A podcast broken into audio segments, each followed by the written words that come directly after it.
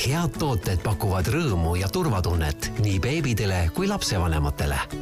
oleme peredele rõõmu ja turvatunnet toonud kakskümmend aastat, sest teame, mis on parim. tule Nordbaby kauplustesse või osta kiirelt ja turvaliselt meie e-poest nordbaby.com järgneb ravimireklaam. Elevit Pronatal on vitamiinide ja mineraalainete komplekspreparaat, mis on kliiniliselt tõestatud, toetamaks sinu lapse normaalset arengut alates esimesest päevast kuni raseduse lõpuni. sinu beebi heaks tähelepanu, tegemist on ravimiga. enne tarvitamist lugege tähelepanelikult pakendis olevat infolehte. kaebuste püsimise korral või ravimi kõrvaltoimete tekkimisel pidage nõu arsti või apteekriga. Tere, armas kuulaja! algamas on täiesti uue Pere ja Kodu podcasti Üheksa kuud esimene osa. nagu podcasti nimest järeldada võib, keskendume selles saatesarjas raseduse üheksale kuule igas saates räägime siis ühest raseduskuust ja ka paljudel teistel tulevasi vanemaid puudutavatel teemadel. Lisaks põhisaadetele on meil plaanis teha ka mitu toredat erisaadet, mis võiksid kõnetada nii tulevasi emasid ja isasid kui ka loodetavasti praeguseid lapsevanemaid. ja minu suur soov olekski see, et koos emadega kuulaksid meid ka isad, sest lapse ootus ei puuduta ju sugugi mitte ainult naist mina olen Katariina Ratassepp ja täna on mul külas naistearst, doktor Marit Kõre. tere, Marit! tere!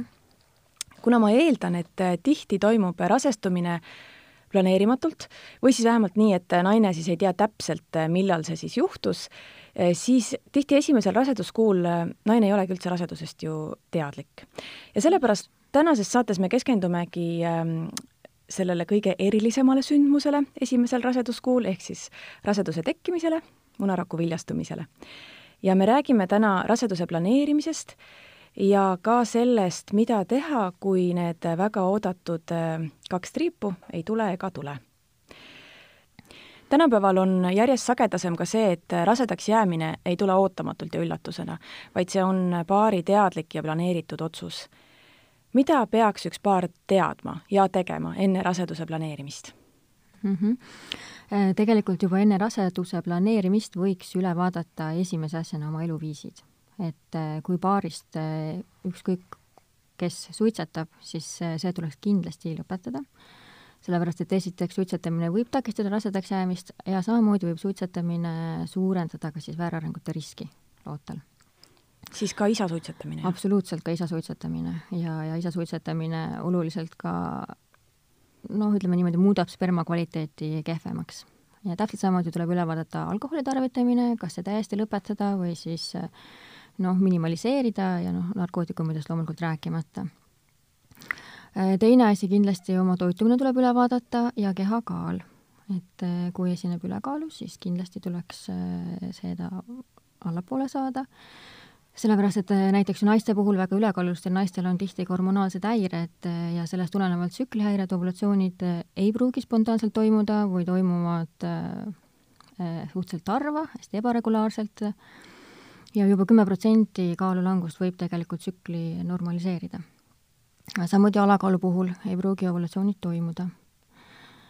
siis järgmine asi on trennid, et füüsiline aktiivsus on, on ääretult oluline tervisliku eluviisi osa, aga need ei tohiks ka olla liiga äärmuslikud, sellepärast et väga äärmuslikud treeningud kuus-seitse korda nädalas, võib-olla mitu korda päevas, viivad keha stressi ja rasestumine ei pruugi õnnestuda, sest reproduktiivfunktsioon lükatakse lihtsalt tahaplaanile. Keha katsub lihtsalt muude funktsioonidega hakkama saada. ja üks olulisemaid asju veel on siis nüüd, mis puudutab naisi, on see, et tuleks kindlasti alustada foolhappega nelisada mikrogrammi päevas vähemalt, et see on siis vitamiin B üheksa, mis on ääretult oluline loote närvisüsteemi arenguks ja, ja ta on vesilahustav vitamiin, nii et kehas meil sellest suuri varusid ei ole, et seda peaks tegelikult igapäevaselt võtma ja siis juba kindlasti enne, kui hakata üldse rasedust planeerima. Just sellel samal põhjusel, et kui me rasedusest teada saame, noh, siis see rasedus on üldjuhul juba neli, kuus, võib-olla rohkemgi nädalat juba kestnud. kas mul on õigus, et kui naine saab rasedusest teada, aga ta veel ei võtnud foolhapet, kas siis peaks kindlasti kohe hakkama võtma? kindlasti peaks kohe hakkama võtma ja ega see ei tähenda, et, et nüüd peaks kindlasti sellest tulema mingisuguseid probleeme, et need naised, kellel seda foolhapet on vähe, et neid on võib-olla alla, alla kahekümne protsendi, aga me ei tea täpselt, kes see naine just parasjagu on. Et, et kui on teadlikult rasestuda soovimine, siis igal juhul soovitatakse juba enne alustada foolhappega. ja kui kaua seda tuleks siis võtta? no kindlasti esimene trimester, see on siis see periood, kui loota närvisüsteem välja areneb, aga võib jätkata ka seal edasi, lõpp, raseduse lõpuni. aga kõige olulisem siis raseduse planeerimisest kuni esimese trimestri lõpuni mm. -hmm. aga kui seda võtta nüüd kaks-kolm aastat äh, enne rasestumist, äh, kas see võib ka midagi halba teha? Mm, kuna ta on vesilaustus, siis ta põhimõtteliselt teda nagu ei kuhju sinna organismi meeletus koguses, et, äh, et ilmselt mitte, aga kui juba naine ei ole nii kaua rasestunud, siis ta tõenäoliselt on ka arstide väete väljas, siis me ilmselt oleme juba kontrollinud ka foolhappedaset verest mm. -hmm. kas midagi veel tuleks silmas pidada? no ideaalis võiks külastada siis naine ka naistearsti et tal oleks tal äh, tavaline tervisekontroll tehtud, papptestid võetud, et oleks selle koha pealt teada, et on korras. noh, ja mees, kui võimalik, võiks samamoodi meestearsti juures ära käia. aga noh, alati see lihtsalt ei pruugi õnnestuda. kas naine peaks siis ise jälgima oma ovulatsiooni ja, ja kuidas seda üldse teha, selleks on mingisugused äpid, on mingid testid, räägi sellest lähemalt mm. -hmm et sellega on nii ja naa, et tegelikult kui menstruaaltsükkel on regulaarne, mis tähendab seda, et ta toimub iga kuu paar päeva kõikumist siia-sinna ei, ei ole probleem, ta ikkagi ta käib regulaarselt, siis mina soovitan vähemalt esialgu mitte jälgida, sellepärast et see võib panna liigse nagu pinge ja stressi peale, et kui sa nüüd pead täpselt sel nendel päevadel seksima. et, et minu soovitus on alati see, et äh, selline adekvaatne vahekordade sagedus oleks kaks-kolm korda nädalas, äh, kui seksida vähem, siis ei pruugi lihtsalt seda õiget aega tabada ja kui seksida väga palju rohkem, äh, siis samamoodi võib nagu noh, nii-öelda ära kurnata, et sperma kvaliteet siis ka langeb, sperma muutub lihtsalt lahemaks. ja, ja võib-olla siis ka see muutub natukene nagu tööks oma patsiendid on rääkinud. aga kui pikk see periood üldse on, kui naine rasestuda võib? Äh, kui äh, jällegi, kui on teada, et naise tervis on korras, tema tsükkel on regulaarne, siis üldiselt äh, me ütleme, et enne aastat aega ei ole vaja arsti juurde tulla mm. -hmm aga ma mõtlesin seda, et kui pikk on see, mitu päeva naine siis ovulatsiooni ajal rasestuda võib? okei okay., noh äh, ovulatsiooni me ei saa ju selles mõttes, kui me jah, et äh, mõtleme, et millal see ovulatsioon toimub, et siis me ei saa seda nii-öelda nagu ise otseselt ette ennustada, et me saame tagantjärgi öelda, et järgmises menstruatsioonis siis, kui järgmine menstruatsioon hakkas, siis sellest kaks nädalat tagasi oli siis ovulatsioon ja kuna naise tsükkel võib kõikuda, et siis seda kalendermeetod ongi selline ebaspetsiifiline, et kui ta on konkreetselt kakskümmend kaheksa päeva, siis ovulatsioon on neljateistkümnendal tsüklipäeval. aga kui tsükkel on noh, kolmkümmend kaks päeva, siis võtame sealt neliteist päeva tagasi, siis ta on juba natukene hiljem.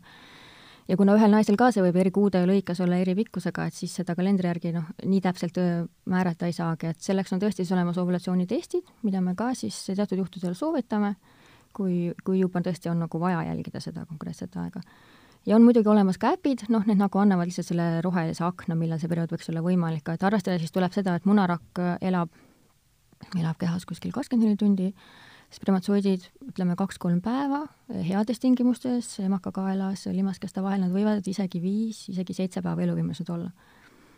et, et noh, et siis selle, sellepärast me ütlemegi, et kui olla kaks-kolm korda nädalas vahekorras, siis tegelikult peaks selle aja nagu tabama mm -hmm.. võib-olla mitte kohe esimene kuu, võib-olla mitte teine, aga sealt edasi juba ühel hetkel peaks lihtsalt tõenäosuse järgi juhtuma mm. -hmm. aga kui seda ei ole juhtunud, siis millal tuleks arsti juurde minna mm? -hmm. et see ongi see, et kui on äh, teadaolevalt terve naine regulaarse tsükliga, siis äh, pärast seda, kui aasta jooksul ei ole rasestunud, sellepärast et suurem enamus äh, paaridest ikkagi rasestub esimese aasta jooksul, see on üks kaheksakümmend protsenti, isegi kaheksakümmend viis protsenti kui nüüd naine teab juba, et tal on mingeid probleeme, näiteks tal ongi ebaregulaarne tsükkel, tal on võib-olla mingisugused vaheveritsused, võib-olla on tal varasemalt põetud näiteks äh, mõni suguhaigus, klamüüdioos, gonorrea, et need kõik võib viidata sellele, et seal võib tekkida probleeme. et suguhaigused võivad anda liiteid, munajood võivad olla kinni, ebaregulaarsed veritsused viitavadki sellele, et tsüklid on anovulatooorsed ehk ovulatsiooni ei toimu Äh,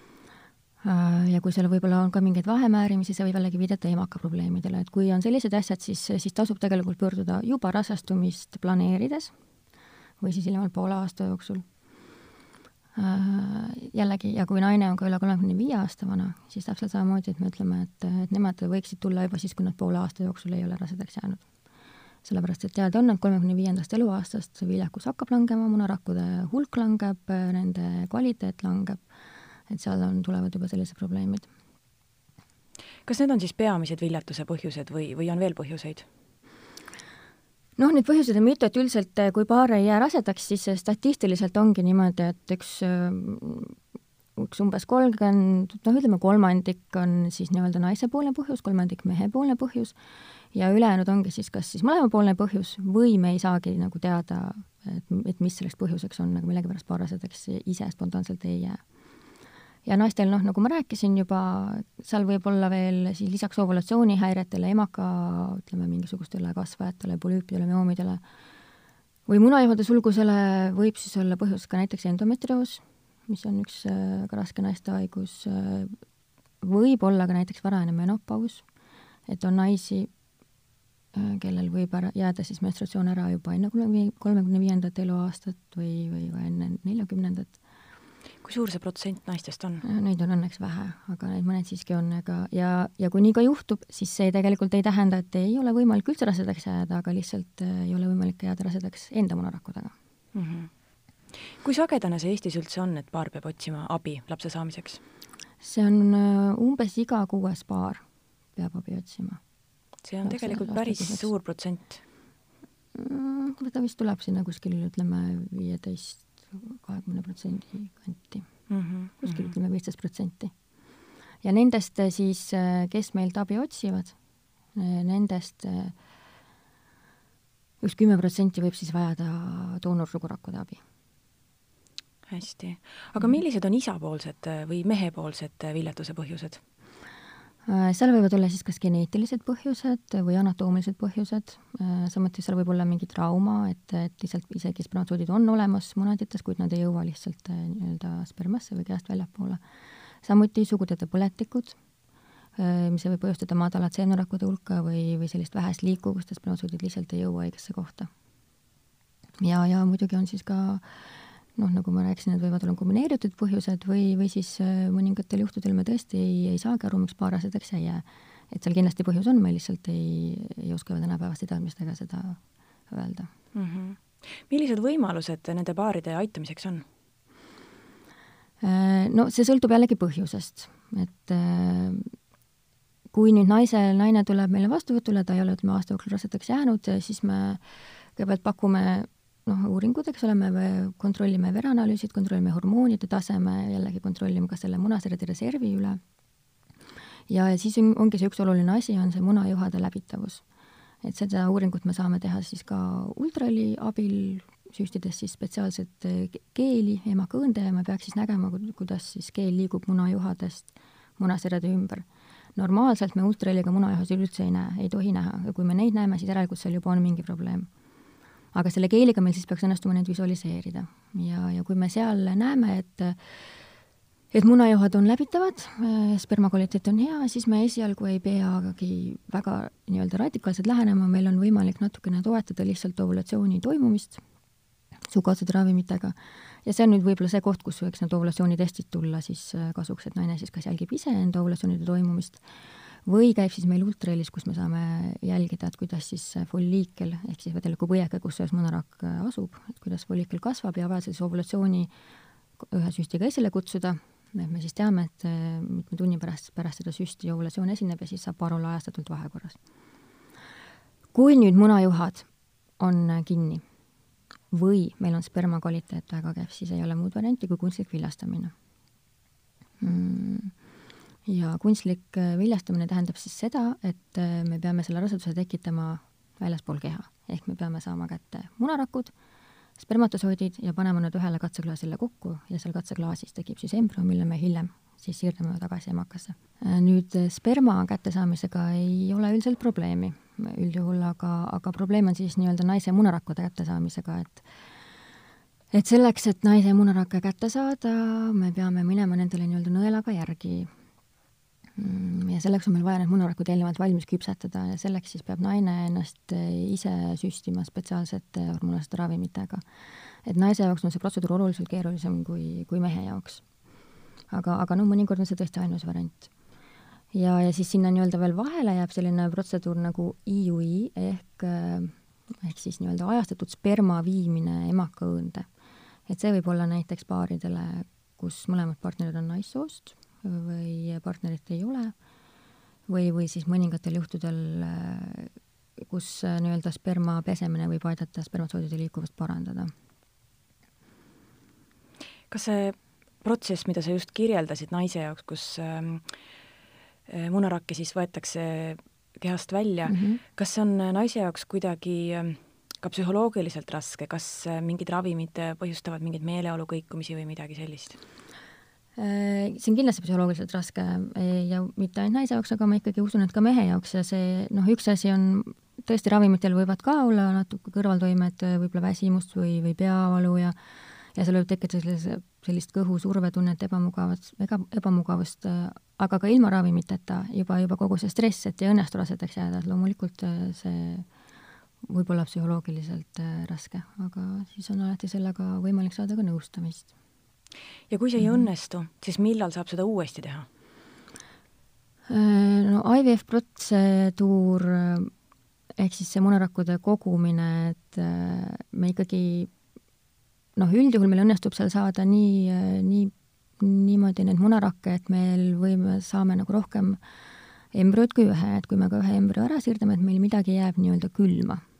sest ülejäänud see embrüod me siis paneme külmahoiule ja siis, kui esimesest korrast rasedaks ei jää, siis meil on võimalik neid embrüoid eh, nii-öelda tagasi siirdada ilma siis selle pika süstimiseta. sest siis meil ei ole enam munarakke vaja, meil on embrüo juba olemas. aga seal vahe võiks ikkagi olla üks niisugune no paar kuud mm. -hmm.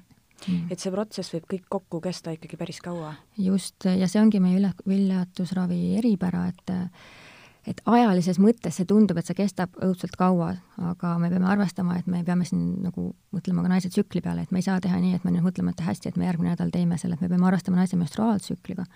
ja sellepärast see, see asi kogu aeg nagu tundubki, et kestab kaua, et, et noh, ma olen proovinud pool aastat, aga tegelikult seal on ainult kuus tsüklit olnud mm -hmm. ja võib-olla iga tsükkel meil pole õnnestunud midagi teha, on ju Mhm seda protseduuri saab siis teha sellel ajal, kui naisel on ovulatsioon või?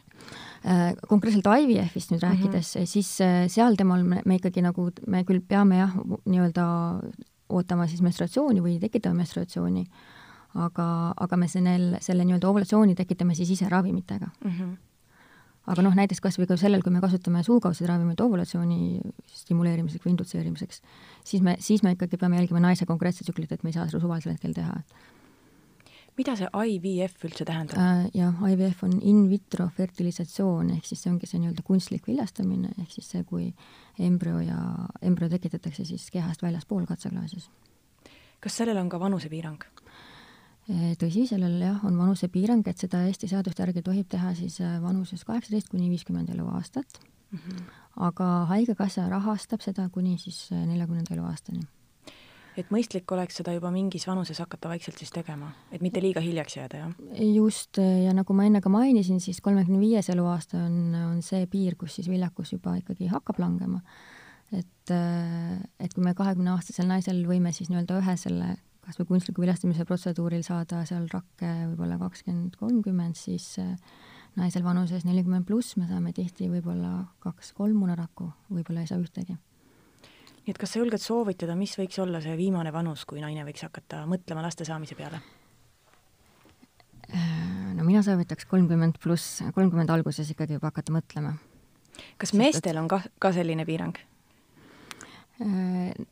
meestel ei ole seda vanusepiirangut, ka kunstliku viljastamise mõttes põhimõtteliselt neil ei ole vanusepiirangut, jah. ja, ja nende viljakus nagu nii drastiliselt, seal ei saa öelda, et see vanuse järgi, et see langeks, neil on võib-olla elustiil isegi olulisem mm. -hmm. aga kui me räägime doonorrakkudest mm, -hmm. kust need pärinevad? Need pärinevad vabatahtlikelt doonoritelt, nii siis spermadoonorid kui munarakudoonorid. ja, ja doonorrakkudega ongi nii, et, et tihti seal see on võib-olla ainukene valik siis nendele naistele, kellel on tõesti siis kas siis enneaegne menopaus või enneaegne munaserade reservi langus ja, ja siis võib-olla, et need naised, kes on üle neljakümne aasta ja kellel lihtsalt oma munarakkude kvaliteet äh, on nii halb, et me ei saa sealt tulemust äh, või neil lihtsalt need mõnerakkad tõesti enam, enam ei saa lihtsalt. stimulatsiooni käigus ei saagi ühtegi rakku. et, et see on nende puhul siis valik ja seda nüüd muidugi Eesti Haigekassa ei, ei kata, et Eesti Haigekassa maksab küll viletsusravi äh,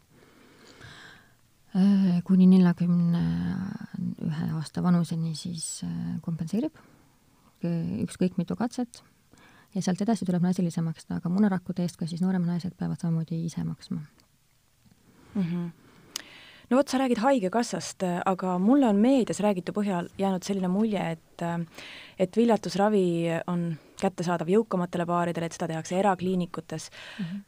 see siis ei vasta tõele? Noh, eks seda ikka tehakse erakliinikutes ja, ja aga tehakse riigihaiglates ka ja ja sellega ongi siis Eestis on selles mõttes eriline situatsioon, et meil tõesti äh, makstakse need IVF tsüklid ükskõik kui mitu korda kuni neljakümne ühe aasta vanuses naisele kinni. et naine ise siis peab maksma ainult esmase visiiditasu, mis on viis eurot, kui me riigihaiglast räägime.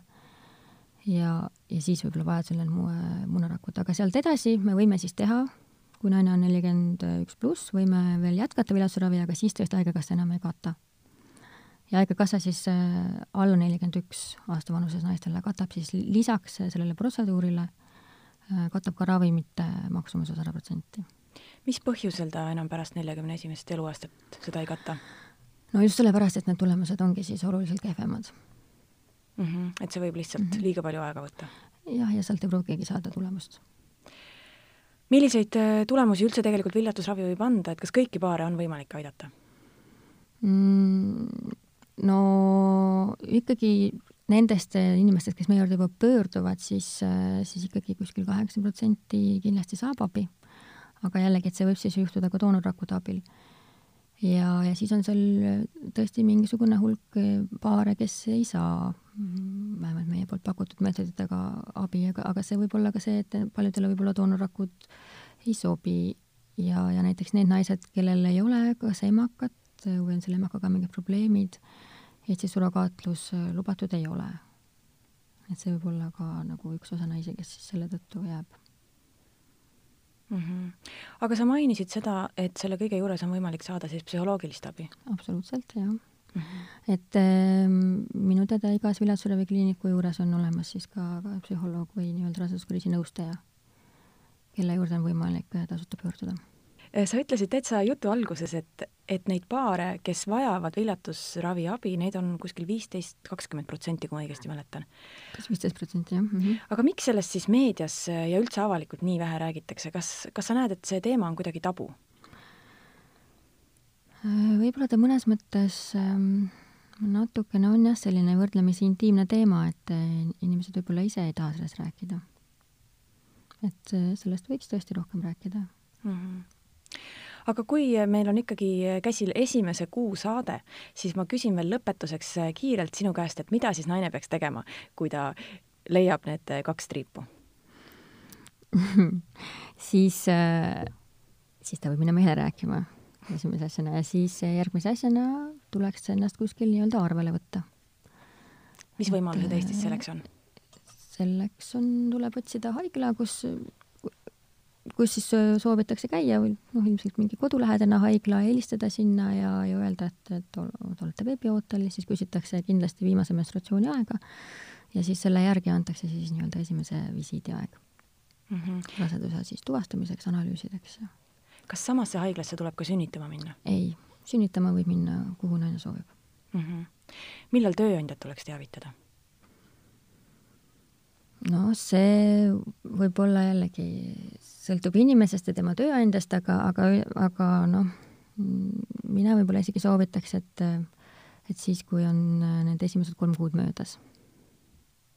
et igaks juhuks, mitte hõisata enne õhtut? just jah, et, et siis teise, ütleme siis teise trimestri alguses või esimese trimestri lõpus ja kui on esmased olulised uuringud ära tehtud mm. -hmm. mida naine peaks hakkama oma eluviisides muutma peale rasedusest teadasaamist?